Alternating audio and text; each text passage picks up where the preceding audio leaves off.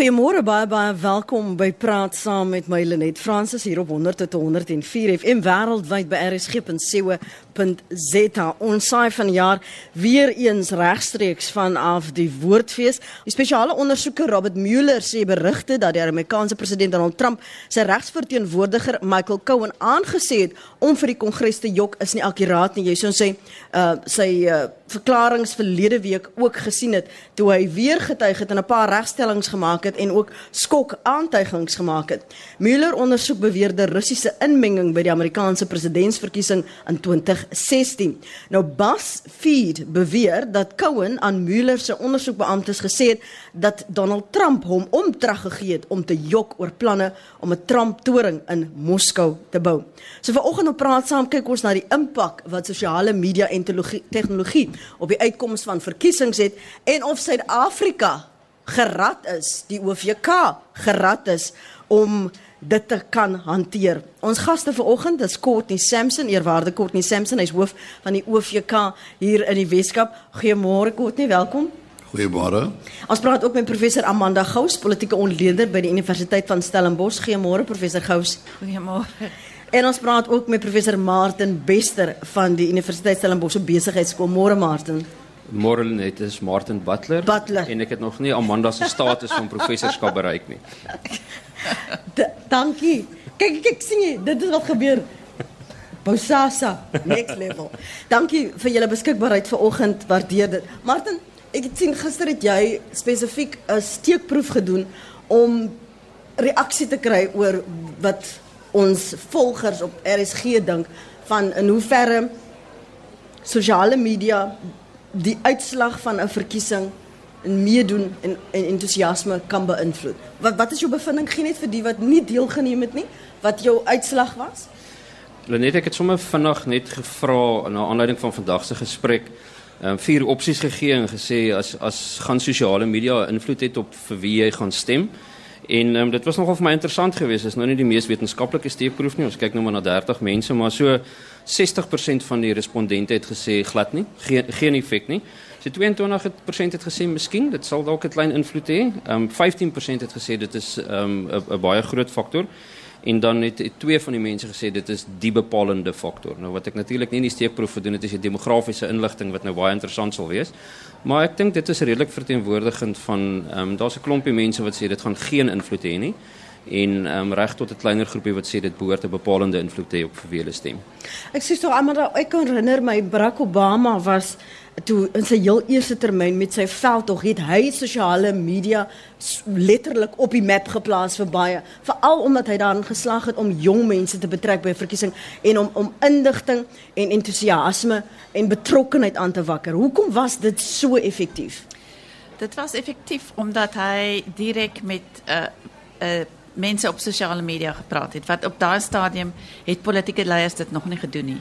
So dit was nie en hy het veral 'n jonger geslag bereik en hy was baie afhanklik daarvan om om 'n uh, steun te kry van van 'n jonger generasie maar ook van die segmente van 'n generasie. So swart ehm um, uh, kiesers en en minderheidskiesers en en hy het hulle bereik daardeur en ek het gister gekyk na 'n studie wat gedoen is wat sy veldtog met die van Mitt Romney vergelyk het wat op daai stadium uh ook uh aan die aan die veldtog deelgeneem het en dit was 'n baie groot verskil want Romney was nie op sosiale media nie, media nie. So dit wys vir ons dit het 'n impak. Um en in uh wat navorsing ook wys, nou in in die FSA het jy kandidate wat in kiesafdeling staan. Dat daai kandidate wat op op die sosiale media is, het 'n groter uh gevolg en volgelinge en wat wat sê hulle gaan vir vir daardie kandidaate stem as die wat nie op op sosiale media is nie. Kan 'n mens enigsins bekostig om nie op sosiale media te wees as jy 'n politikus is nie? Want ons sien ook hier in Suid-Afrika dat hulle skep uh, persepsies wat gevaarlik is vir die demokrasie van ons land. Ja, ek dink dit is dit is uh, wat so belangrik is, is oor hoe 'n mens dit bestuur, nê? Want ons weet byvoorbeeld wat nou al met Helen Zille gebeur het. 'n Hele paar keer omdat sy goed getweet het. Um en en ook Trump wat die hele tyd tweet en en allerlei onsin kwytraak. So jy jy 'n mens moet dit baie goed bestuur en en wat jy behoort te doen is net om die jou platform waarop jy jou veldtog loods en die vraagstukke wat jy wil aanspreek as 'n politikus om dit op sosiale media te sit en te, en te bestuur. Maar sodra mense begin ideologies raak en en soort van uh, allerhande idees kry oor goed wat eintlik kan backfire teen hulle dan raak dit baie problematies. En jy's reg. Uh, ek meen die, die daar is baie diep gevare vir vir demokrasie omdat dit ons praat van die echo chamber effek so mense wat almal met mekaar saamstem praat met mekaar. Dit is hulle vorm hulle eie netwerke en jy weet as jy ideologies regs ver regs is uh, en en sulke ideologie aanhang of jy is 'n populis en jy jy ondermyn demokratiese reëls, dan jy jy kry dan 'n groot gevolg wat almal met mekaar praat en hulle dink dis die wêreld en dit dink ek jy weet stem vir 'n sekere party wat hmm. allerhande gevaarlike idees voorstaan en dit is die probleem daarvan. Ons gaan nou nou die partye by name noem. Uh Eerwaarde Courtney Sampson, In hoeverre het julle tot dusver by die OVK sosiale media gebruik om net die kiesers in te lig? Ek ek probeer net vasstel hoe effektief dit vir julle werk. Daar is nog baie meer wat ons moet doen as wat ons heidaglik doen. Die uh, hoofverkiesingsbeampte het gevra dat 'n uh, komitee aangestel word om te kyk na die monitering van sosiale media. So ons ten minste kan weet wat aan die gang is. Maar ek dink daar's geen ander manier om met jong mense te kommunikeer hmm. as om mens nie die sosiale media gebruik nie. Maar dit is ook 'n 'n ding wat baie interessant is. Want jy kan damn if you do and damn if you don't. Dit is nie iets wat enige mens vandag kan ignoreer nie. Dis 'n realiteit van ons lewe. En uh die belangrike ding is dat uh ons het nou natuurlik ons program wat ons op van stapel gestuur het om jong mense aan te moedig is iets wat ons by die OFK deur jong mense laat uh ontwikkel het. Hulle het dit self ontwikkel. Die ek sê ding byvoorbeeld En ek weet nou nie hoe effektief dit was nie want ek het nie studies gesien daar omtrent nie. Ehm uh, maar die ehm uh, reaksies van jong mense is nog altyd onrusbarend vir ons as Suid-Afrikaners en vir ons spesifiek by die OFK ook. Uh maar ons maak goed gebruik daarvan waar ons kan uh, want 'n mens kan dit doeteenvoudig nie ignoreer nie. So daar is beleid in plek indien daar 'n insident sou wees, wat is die protokols wat gevolg moet word want ons soos ons weet ons by by uh, nuusagentskappe moet teen 'n sekere tyd mag ons nou nie meer mense beïnvloed nie. Dan moet ons nou so ons is altyd neutraal. Ek wil net vir die rekord dit sê vir diegene wat dink ons probeer mense beïnvloed, maar dat dit die ewewigtigheid van gesprekke die heeltyd ook gemoniteer word. So in, in hoeverre is dit julle beleid gevorm en wat moet ons weet? Hoe gaan dit toegepas word? Daar's 'n baie lang antwoord en daar's 'n kort antwoord. Maar ek dink maar die korrekte antwoord is die kort antwoord bly, né? Kyk, ek dink dat die uh campaigning moet 24 uur voor die verkiesing ophou. Maar wat dit bedoel beteken is dat in die terme van die wetgewing beteken dit dat politieke partye kan nie meer massavergaderings sou nie, mm -hmm. optogte reël en so voort nie. En dan sê dit verder dat op verkiesingsdag mag uh, die politieke party nie enige uh politieke aktiwiteit bedryf binne die grense van die stemlokaal nie. Dit is ook 'n bietjie eng. So ons sien eintlik baie van hierdie aktiwiteite uh op verkiesingsdag. Dan is daar ook ICASA. ICASA sê 48 uur voor verkiesings sny ons alles af. So ek dink ons probeer om die goed in plek te sit. Maar 'n mens moet onthou dat daar is twee uitgangspunte. Van die OFK se kant af wil ons seker maak dat die verkiesing vry en regverdig is. Van politieke partye se kant af, hulle wil die verkiesing wen. So ek dink dat soms is ons 'n bietjie haks rondom daai twee goede. Maar ek dink dan van uh, waar ons is as die OFK is daar 'n baie goeie regulatoriese raamwerk waarin ons verwag mense moet beweeg. Ek gaan terugkom na daardie prosesse en die protokols en wat wel in plek is in terme van beleid. Wat is die uitdagings in 2016 wat moeilik was om te beheer as ons praat van sosiale media en tegnologie? Want dis goed en wel om 'n afsnypunt te hê, maar Twitter slaap nie. Net ek ek dink wat mense altyd sien is jou regulatoriese omgewing volg innovasie. So so elke keer as as iets nuuts gebeur en ek dink Amanda was baie akkuraat met Barack Obama het sosiale media op 'n baie positiewe manier gebruik. Ehm um, maar daai positiewe manier het, het dan ook 'n grens en en slegs as iemand dit op so 'n manier gebruik kan die regulatoriese omgewing en die onafhanklike verkiesingskommissie kom en en sekere bepalinge gaan neerlê. Ehm um, Donald Trump het totaal van ander van 'n plek af gekom. Hy het ook sosiale media baie goed gebruik. Ek ek, dink selfs die akademici is nog so bietjie in die war of dit ehm um, by design of default was. Het hy dit regtig so ontwerp of het hy of het hy in dit ingeval?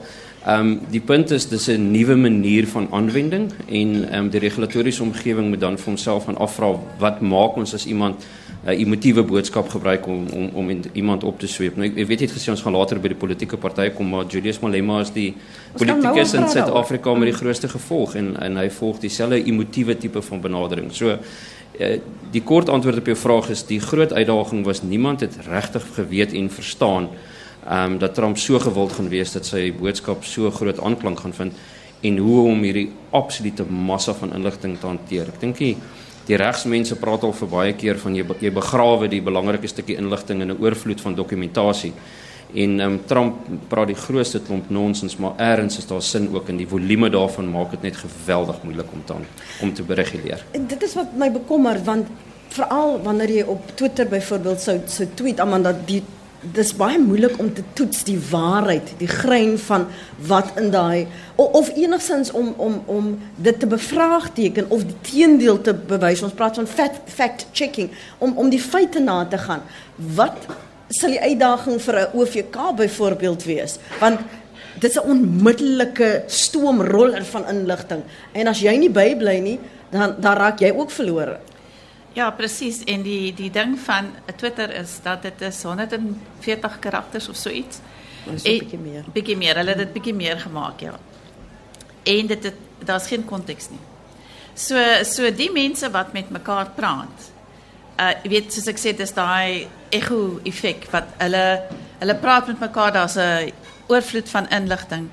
Um, en, en wat baie moeilijk is om teenargumenten te maken, nee? Jy in in daai tipe van konteks is daar is, kan jy nie eintlik 'n debat voer nie. En ek dink dis die grootste probleem uh vir politieke partye is dat jy wil jou boodskap oorbring. Maar daai boodskap is dikwels kompleks. Um en jy jy het segmente in jou in jou kiesersmark, né? Jy het jong mense, jy het vrouens, jy het uh mans, jy het um ouer mense. So so hoe doen jy dit? En en ek dink dit is die uitdaging vir partye. Ehm um, anderster as jy as jy regtig dink dat om mense te stoomroller gaan vir jou werk, dan dan dan werk dit vir jou? En dan is dit daai party wat die grootste stoomroller werk doen wat die die meeste ehm steen gaan trek vir 'n verkiesing. Ehm um, ja, so ek ek dink net dit is baie moeilik. Ehm um, en en dit is hoekom ek dink dit partye mense moet aanstel wat wat hierdie inligting bestuur nê. Nee. Dit is nie jy weet elk 'n free for all en dat elke politikus uitgaan en tweet net wat hy en sy dink op daai oomblik nie. Ek dink dit kan ook baie teenstrydige boodskappe stuur uh, vir vir die kiesers uh, spes, uh, spesifiek in 'n in 'n tyd van van 'n uh, verkiesing. Skot jy jou kop so geklik? Wil jy iets byvoeg? Ja, ek dink Amanda is heeltemal reg. Ek dink dat die rede kom ek my kop knik is dat dit is waar, heeltemal waar, maar daar's ook die hele ehm um, die hele uh, area van social bots waar me, waar mense nie betrokke is nie. Ja. Jy weet is dit inligting wat deurgevoer word op gedurende uh basis en mense word nou ehm um, soms baie moedig oor die feit dat hulle die goed kry oor en oor en oor en oor en hou net op nie. So op die een kant kan dit help om vir mense ehm uh, tot op 'n punt te bring waar hulle aanhoudend uh van hierdie goed uh, bewus gemaak word. Maar dit kan ook na die ander kant toe swaai waar mense nou net reg genoeg gehad het daarvan en voel hulle word nou in hulle privaatheid word daar ingedring. Ek wil terugkom na die punt wat uh, Courtney maak oor wat behalwe die feit dat hierdie profile geskep word. Hoe weet jy die persoon praat die waarheid Amanda daarin geraak, maar hulle bestaan werklik. Ons het gesien die hele persepsie wat gebeur met uh, Bell Pottinger byvoorbeeld en wat daarna gevolg het. Um nuus media wat geskep is, gekloon is om 'n sekere boodskap white monopoly capital, um radikale ekonomiese verandering om daardie boodskappe die heeltyd in die diskurs te plaas asof dit is waaroor Suid-Afrikaners praat. Hoe gaan ons die kaf van die koring skei wanneer dit by 'n verkiesing kom?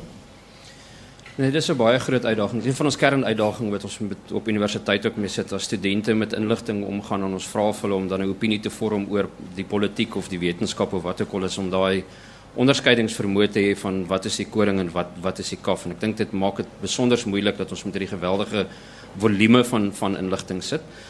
Aan die einde gaan dit nog steeds oor wie's die bron. Ehm um, in in in 'n koerant as ek 'n koerant gelees het 10 of 20 jaar terug Ehm um, dan het ek miskien meer opinie aan Amanda Gous of meer waarde aan Amanda Gous se opinie geheg ehm um, as aan iemand anders wat nie noodwendig 'n studie van die politiek maak nie. Nou die feit dat dit in die koerant was of op die media was of op Twitter is um, is nie so belangrik as wie is die grond um, waar kom die argument vandaan en wie maak die argument nie. En ek dink wat Amanda nou nou gesê het is ook baie belangrik. Twitter Twitter druk dit in 'n mens se gesig in. Dis amper soos 'n koerantverkopertjie wat by jou verbyloop en skree koop die koerant, koop die koerant, koop die koerant. So Twitter druk dit net in jou gesig in. Baie keer is daar nog steeds ehm, 'n um, skakel binne in daai spesifieke boodskap wat jy dan na 'n onderliggende artikel toe sal neem waar daar 'n grondige argument in is. En ek dink dis baie belangrik. Ek dink dit is belangrik dat hierdie kompleksiteit wat onderliggend in die boodskappe is, dat dit nie verlore gaan in hierdie massa massa van inligting nie. En wat dan nou ongelukkig gebeur hierdie bots wat wat kort nie van praat is is dan nou maar net meganismes om dit ek wil amper sê hulle skaal die koerant verkopertjie waar daar 10 koerant verkopertjies in Stellenbosch rondgeloop het en gesê koop die koerant loop aan nou duisende jy kan amper nie jouself beweeg voordat dit iemand druk nie en die hulle gebruik dan nou hierdie kunsmatige intelligensie om enige woord op te tel, enige woord wat belangrik binne in ons boodskap kan wees of wat dan 'n white monopoly capital of land of geld of wat ook al is, ons word voortdurend daarmee ge, gebombardeer. En die uitdaging is waar kom dit vandaan en om daai brondokumente te gaan bestudeer. Kan kan ek iets hier sê uh, net oor oor big data, nee, groot data wat as ons kyk na Cambridge Analytica en hulle die beskuldigings van hulle inmenging in die Amerikaanse verkiesing. Nou hoe hoe dit werk is dat ehm um, jy weet elke keer wat jy jou kaart swipe of wat jy iets doen, word daai inligting erns gestoor. Mm -hmm. En en elke keer wat jy op Cinema Facebook is en jy uh like iets, dan sal jy gebombardeer word met advertensies vir vir presies die goed waarvan jy hou. En en jy kom dit nie agter nie. Jy dink maar net jy weet dit is hoe Facebook werk. Maar dit is dit word baie presies geteken.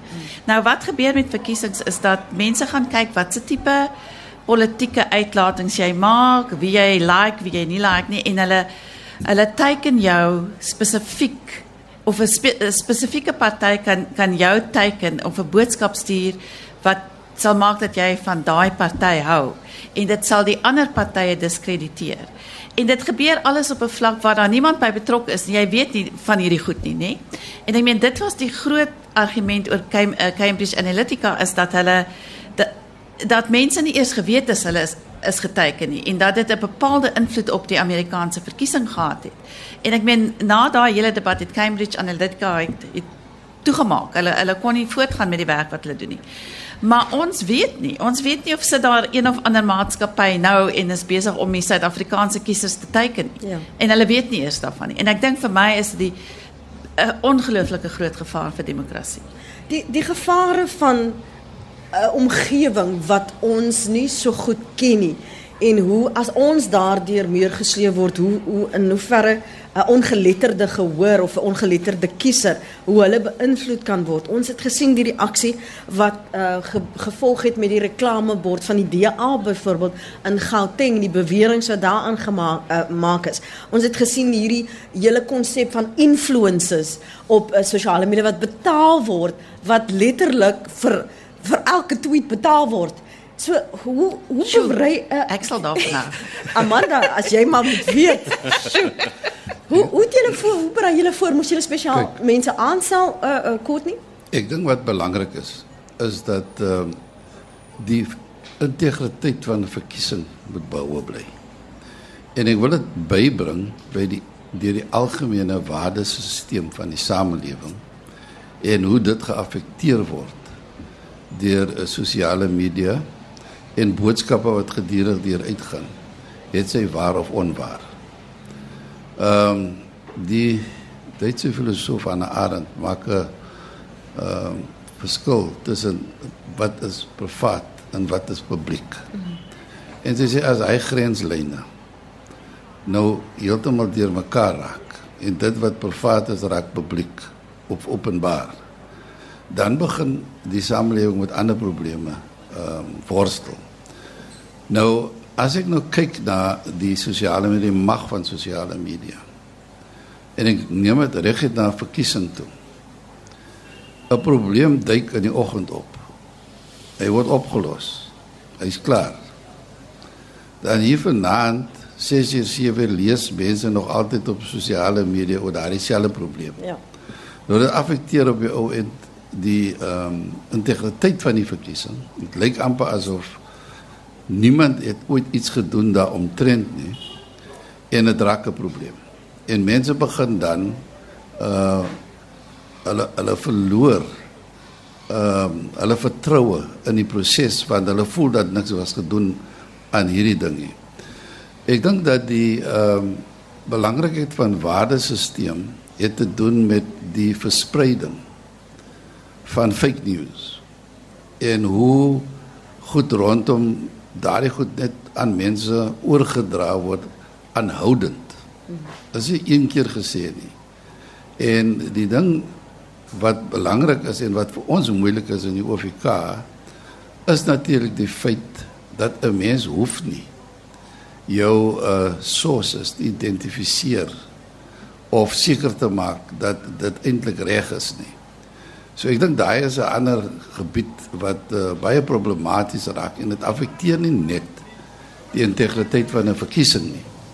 Dit affekteer ook hoe mense dink oor die land en die waardesisteem waarvolgens ons leef. Ek ek sit nou net en dink hoe maklik is dit om 'n uh, beeld 'n foto te dokter van hmm. stembriewe wat dalk in die jaar ja. 20 weet jy wanneer iewers in 'n veld gegooi is en dit as die waarheid van kyk dit is wat die ou Afrika doen julle werkie.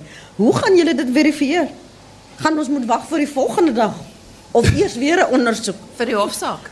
Oh, ja, natuurlik. ons wou binne bly. En dan moet weer oor weer oor ja. ja.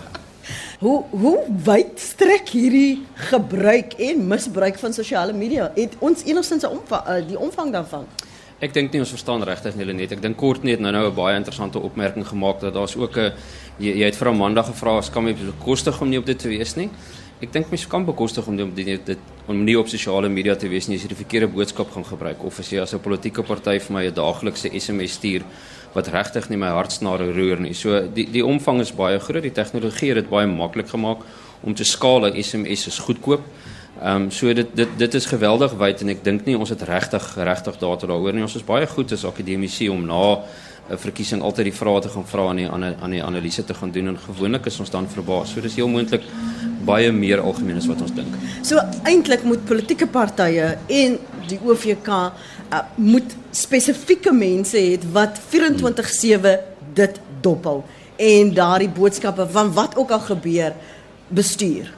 Ek ek dink so. Um, ek ek ek wil net 'n uh, uh, ligte trendverandering ook maak. Ek dink daar's 'n baie positiewe deel van so sosiale media wat ons nog nie um, noodwendig by uitgekom het nie. Ek um, ek ek is persoonlik bekommerd. Ek het twee studente op Stellenbosch ek luister die die gesprek onder die jong mense en die jong mense is ontnigter. Ehm um, die jong mense is ontnigter. Hulle hulle weet nie vir wie om te stem nie. Elke elke politieke party het 'n uh, het het in wese goed wat hulle oor praat en wat hulle oor bekommerd is. Nou nou my spesifieke area wat ons in belangstel is ehm um, hoe hoe beïnvloed tegnologie besluitneming? Wat wat wat, wat maak tegnologie?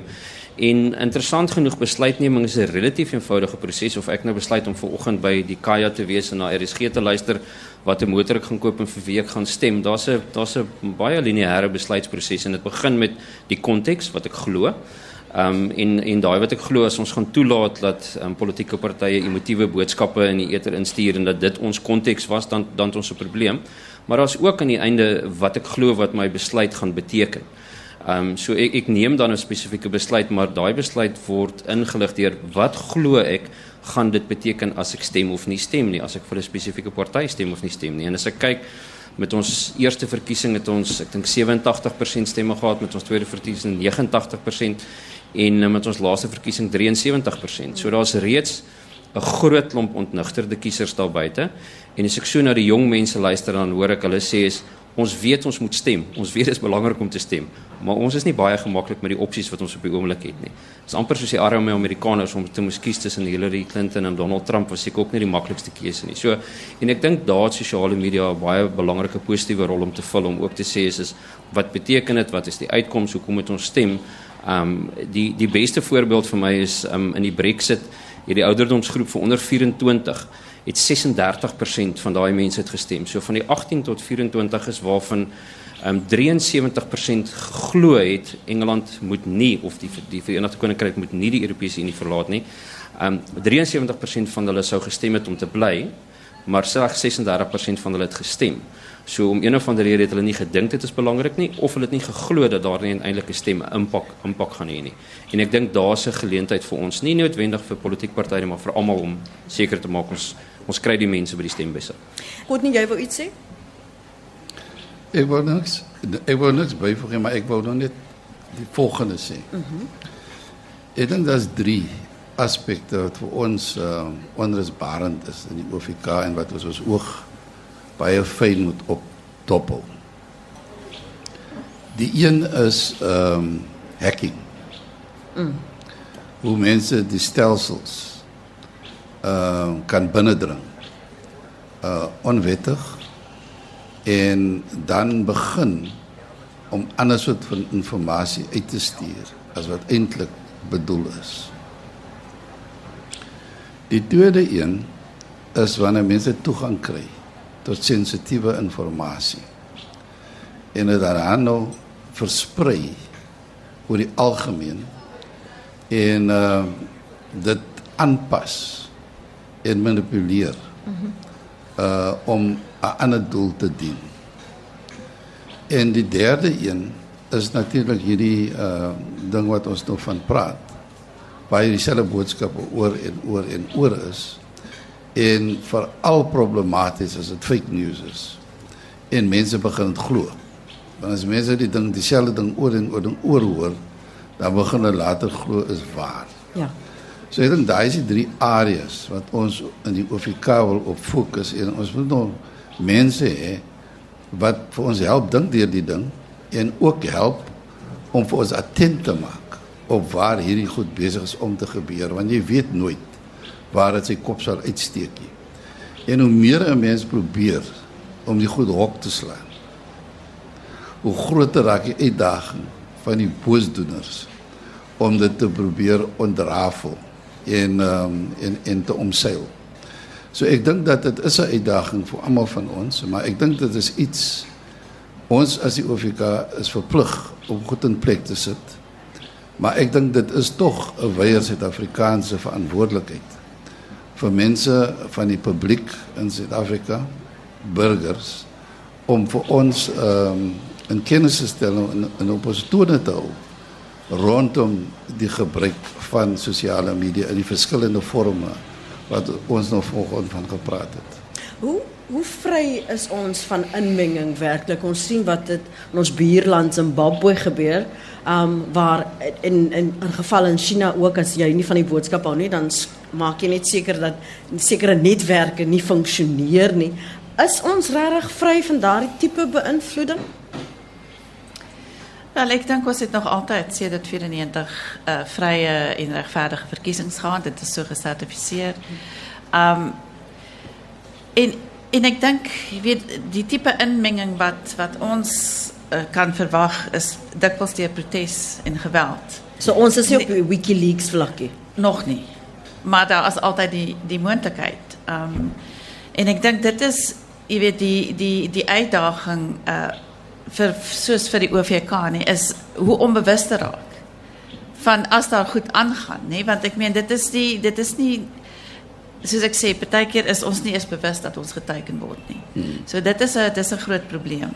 Maar maar ek dink in Suid-Afrika is is daar nog relatief uh deelname uh, aan aan mense wat byvoorbeeld na uh, vergaderings gaan wat partye hou, uh wat gaan na die loodsing van hulle manifeste, wat wat vir my sê daar is 'n is 'n 'n betrokkenheid by wat politieke partye doen wat nie noodwendig net elektronies is in 'n digitale wêreld nie. So ek dink dit is ek dink daaroor moet ons positief voel.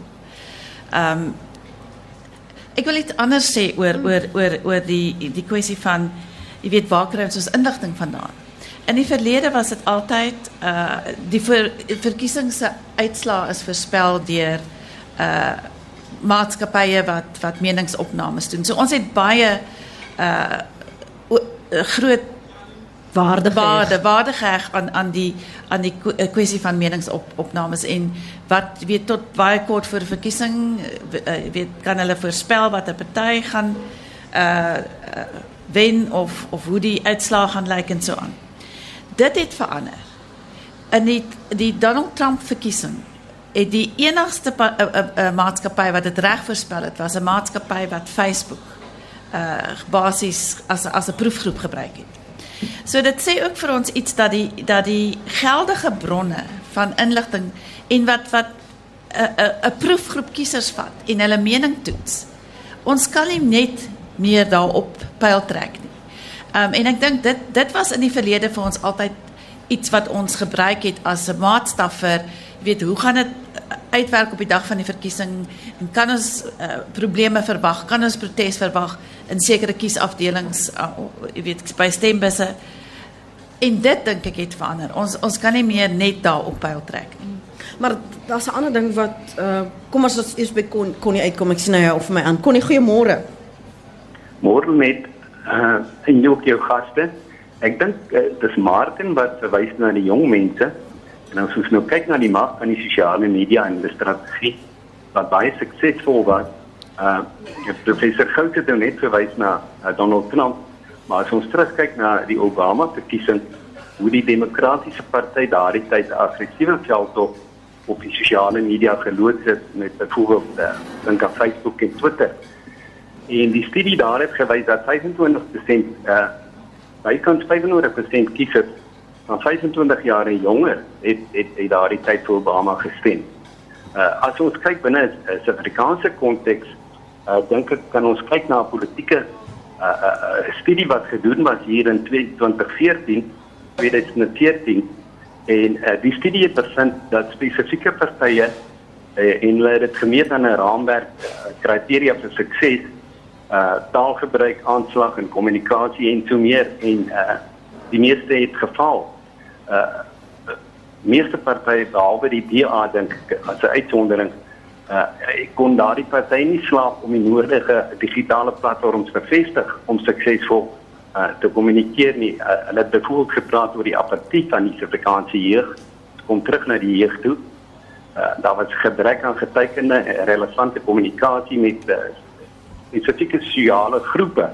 Uh party het byvoorbeeld nie aangeslaag om kiesers wat partyloos is van party uh kom ons sê uh, van party te laat verander of 'n beter opsie te bied nie. Ja. So ek dink binne 'n Suid-Afrikaanse konteks lê daar werk voor vir hulle en uh, miskien moet die OFK daarna kyk. Baie dankie, mooi dag vir julle. Mooi dag vir jou ook en dankie vir jou oproep. Ons gaan nou vir eerwaarde Courtney Simpson uh geleentheid gee om daarop te reageer. Ek lees wat skryf sommige van julle uh, hier op sosiale media en dan gaan ons vir die gehoor ook geleentheid gee om saam te gesels indien hulle wil.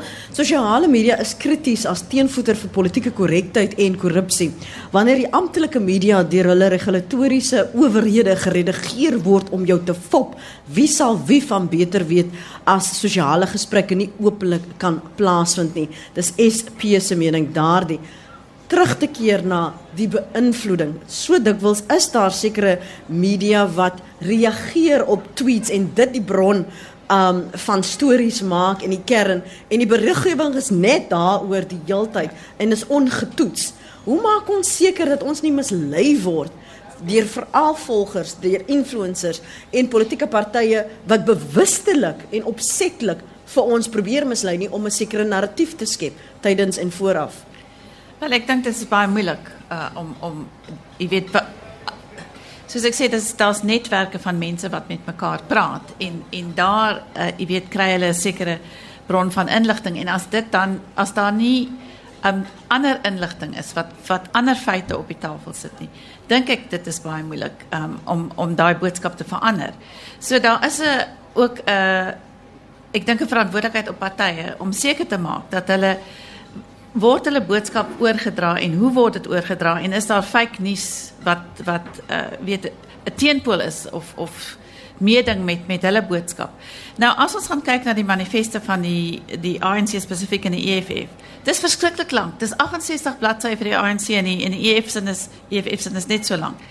Het hulle daai boodskappe gekondenseer? Ja. Hulle dit korter gemaak en dit gebruik um, op op sosiale media. Ek weet nie want ek het ek het nie daarna gekyk nie, maar maar mense sou dink in die in die tyd van soundbites moet jy maar ook seker 'n soundbite boodskap vir jou jou uh, platform hê wat jy gebruik vir die vir die, vir die verkiesing.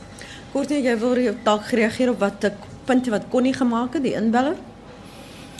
Ja, hy het gepraat van van jong mense dink ek en uh hoe kom 'n mens by jong mense uit? En een van die punte uh wat baie duidelik geword het is dat wanneer dit kom by uh smartphones en jong mense uh, dan is dit so dat hulle hulle bestel hulle kos op die selfoon. Alles gebeur op 'n selfoon. En uh, wanneer hulle moet registreer as 'n kiezer dan moet hulle nou loop daar na die kantoor van die OVK toe om dit te gaan doen op 'n stuk papier. En dit sit nie reg met millennials daai ding nie. Dan is daar ook natuurlik die hele kwessie van elektroniese stemming. Ja. Nou en al die goed wat ons nou gesê het. Daar is lande waar waar waar elektroniese stemming begin het en waar dit weer gestop is as gevolg van die risiko's wat daarbey betrokke is. Maar dit beteken nie ons moet nou agteruit sit en sê ons kan nou niks verder doen nie. Dit is maar nou soos dit is nie. Ek dink ons is gedurende deur besig om te kyk na moontlikhede oor hoe maar hierdie goed gebeur binne die konteks van wetgewing. En die die OFK is die wetgewer. Die, die OFK voer wette uit en die wetgewing word gemaak deur ehm um, die wetgewers. So ek dink dit is 'n interaksie wat ons moet aanhoudend hê om seker te maak dat ons weet waarna ons op pad is as 'n land en hoe ons jong mense betrek en hoe ons hulle manier van digitale uh vooruitgang of agteruitgang hoe mense dit wil sien uh deel maak van ons daaglikse bestaan. Ehm um, dit is maar al wat ek op die stadium wil sê uh, rondom die kwessie van jong mense, maar dit bly 'n geweldige uitdaging as jong mense begin belang verloor in die uh, politieke toekoms van ons land. Ehm um, hulle insigte is iets heeltemal anders, hulle energievlakke wat ons nodig het. En ehm um, baie keer uh verstaan ons self nie die land waarin hulle groot word nie. En uh, dit is baie baie nodig dat ons meer van hulle hoor. Maar soos ons nou vanoggend ook al gesê het, daar is uh, baie positiewe dinge rondom sosiale media, maar daar's ook baie negatiefs wat ons moet 'n uh, oog op hou al die tyd. en as 'n party die jeug spesifiek teiken, uh die die aantal jong mense is so groot dat hulle hulle kan uit die uitslag van 'n verkiesing swaai. Ja. So ek weet partye dit sal partye baat om te kyk hoe hulle die jeug kan betrek. Ek wil nou vir jou gevra het, ek weet Martin het gesê jy's nie 'n uh, politieke ontleder Martin, maar is daar navorsing beskikbaar of goed waarna jy gekyk het om te sien in in hoeverre is hierdie politieke partye aktief op sosiale media? Ons weet daar is spesifieke mense wat gevolg word en hulle hulle rykwyte is verstommend. Ja. Maar maar in terme van invloed om dan juis mense te dryf na stembusse, gebruik hulle dit effektief? Nee, dis dit dis baie interessant. Dis navorsing wat in proses is en wat ons agterkom is dat die die hulle, ons praat dan van die mense wat wat 'n impak het, die die die influencers woord wat hulle gebruik het. En die is nie noodwendig mense van politieke partye nie. Dis dis algemeen aanvaar dat die die enkele persoon wat die grootste moontlike impak op Twitter kan hê op die Suid-Afrikaanse verkiesing wat aankom is Trevor Noah. So so as mens as mens gaan kyk na die hoeveelheid mense wat hom volg, as mens gaan kyk na hoeveel keer dit gesien word, So 'n positiewe of 'n negatiewe boodskap wat hy in die stelsel kan instuur net om mense by die stembusse byvoorbeeld te kan kry of vir of teen 'n politieke party, ehm um, gaan heel moontlik 'n groter impak hê op ons verkiesing as al ons politici saam. Um, uh, Uhuru Kenyatta, president Uhuru Kenyatta van Kenia het 'n het 'n geweldige positiewe veldtog gevoer in Kenia ook. So daar's baie navorsing gedoen. Um, ek dink um, die persoon kon nie het aan verwys na die vorige studie wat gedoen is. Dit is so. Um, nie een van die politieke partye het dit nog regtig regtig goed gedoen nie en ek dink dit is ook in 'n mate omdat hulle nie die die jonger kiesers gesien het as so belangrike demografiese groep um 4 of 8 of 12 jaar terug nie, maar hulle is nou 'n geweldig belangrike groep. So ter afsluiting as jy vir kiesers wat wel uh nog nie seker is wat hulle gaan doen nie, maar hulle het 'n profiele op sosiale media of dit nou 'n WhatsApp groep is van 'n sekere partye of wat ook al, wat moet hulle in gedagte hou as hulle hierdie verkiesing um nader? Ek dink Amanda het begin ehm um, deur iets baie baie belangrik te sê en dit is daai egokamer wat ons skep deur altyd ehm um, net na een boodskap te luister. As as ek 'n ingeligte besluit oor die verkiesing wou neem 20 jaar terug, moes ek na twee of drie partye gaan luister het. En wat sosiale media doen is dit skep baie keer hierdie egokamer waar ek hoor die boodskappe wat van die mense wat ek volg en wat ek in my netwerk het en ook wat die sagte ware vir my rondom my skep. So ek dink dit is baie baie belangrik om eh, soos ek sê Julius Malema die meeste volgelinge maar hy hy dubbel hoeveelheid volgelinge op Twitter as wat mense wat hom gestem het in die vorige verkiesing. So dis mense wat wil weet wat hy wil sê. En ek dink dis 'n baie belangrike is is soveel soos wat daar ehm um, deur die aanlyn maatskappye vir ons 'n egokamer gevorm word wat dan besluit waartoe ons blootgestel word, het ons ook 'n keuse waartoe ons onsself wil gaan blootstel. En ek dink dis belangrik. Kortnie, watter gerusstelling het jy vir Suid-Afrikaanse kiesers? Ek dink ons het 'n baie eh, deursigtige verkiesingsproses. Ehm um, een van die mees deursigtigste in die in die wêreld. Ons het uh, partyagente wat binne in die stemlokale is en hulle bly daar totdat die teller klaar is, byvoorbeeld die name van voorsittende beamptes en ondervoorsittende beamptes word aan politieke partye voorgelê sodat hulle kan uh, beswaar aanteken as dit nodig is maar ehm um, in terme van afsluiting van my kant af ek dink dat wat ons moet baie versigtig wees oor as Suid-Afrikaners is as ons verkiesings bloot 'n magsgedrewe 'n ding is. En hy dit word nou nie meer gedryf deur ideologiese visie nie oor wat ons wil word nie. So jy weet as nou net 'n geveg om mag te bekom en dan mag te behou. En dit neem ons nie eintlik enige plek vorentoe waar mense kan uitsien dit gaan 'n goeie plek wees vir ons om in te leef nie. So ek dink dit is miskien maar my laaste woorde dat wat ons ook al uitstuur na mense toe met 'n visie het. Daar moet iets mooi wees. Daar moet iets wees waar mense sê dit is wat ons wil wees en wil word. Ehm um, en ek dink dat as dit ehm um, is waar ons is dan sal sosiale media ook begin om daai boodskappe uh uit te dra want dit is waar die uh partye is. En dis wat eintlik die OFK vanoggend moet doen in deurlopend van praat saam is om nou al die goed wat jy vanoggend die klankgrepe te tweet en in elke taal te vertaal en dan kry jy hele boodskap van 'n gerdeer. Ter afsluiting van jou kant Amanda. Ek dink die integri- integriteit van ons verkiesings was tot op hede altyd bo verdenking en ek dink dis belangrik. Mm. En ek sou vir die kiesers sê um, al stel jy net belang in soundbites, is kyk na die die uh, manifestos van die partye, want daar kry jy baie goeie ideeë waarvoor hulle staan en wat hulle beloof. En ons weet hierdie beloftes word elke verkiesing gemaak, maar uh, dit is hoekom ons as kiesers die partye moet opneem op daai beloftes en ek meen die enigste manier hoe jy gaan weet wat dit is is om na die manifestos te kyk. Baie dankie aan ons gaste vanoggend, Courtney Sampson, hoof van die OVK in die Weskaap, professor Amanda Gous, politieke ontleder by die Universiteit Stellenbosch en Martin Butler, die Universiteit uh, uh, Stellenbosch besigheidskool. Dankie vir julle beskikbaarheid vanoggend.